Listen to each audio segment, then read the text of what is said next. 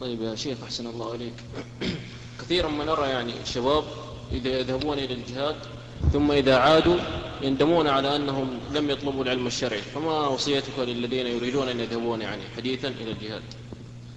جزاكم الله. الإنسان طبيب نفسه.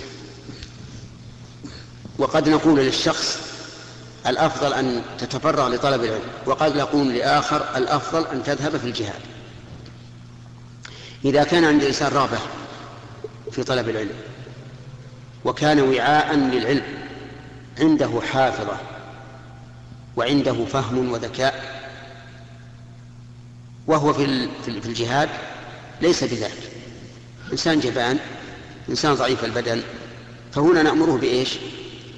بطلب العلم وعلى العكس من ذلك لو كان رجل رجل قوي البدن شجاعا مقداما عارفا بآلات الحرب لكنه في العلم ضعيف الذاكرة ضعيف الذاكرة قليل الفهم. فهنا نقول له اذهب في الجهاد.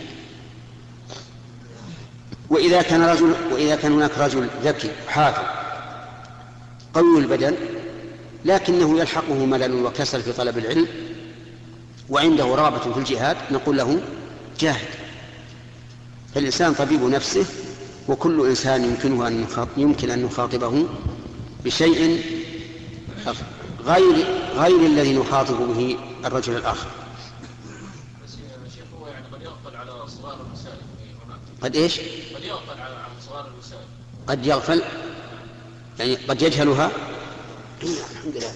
إذا كان يجهلها يتعلمها لكن ما دام أهلا للقتال فالناس بحاجة إلى إلى القتال في في بعض مواطن المسلمين. هنا.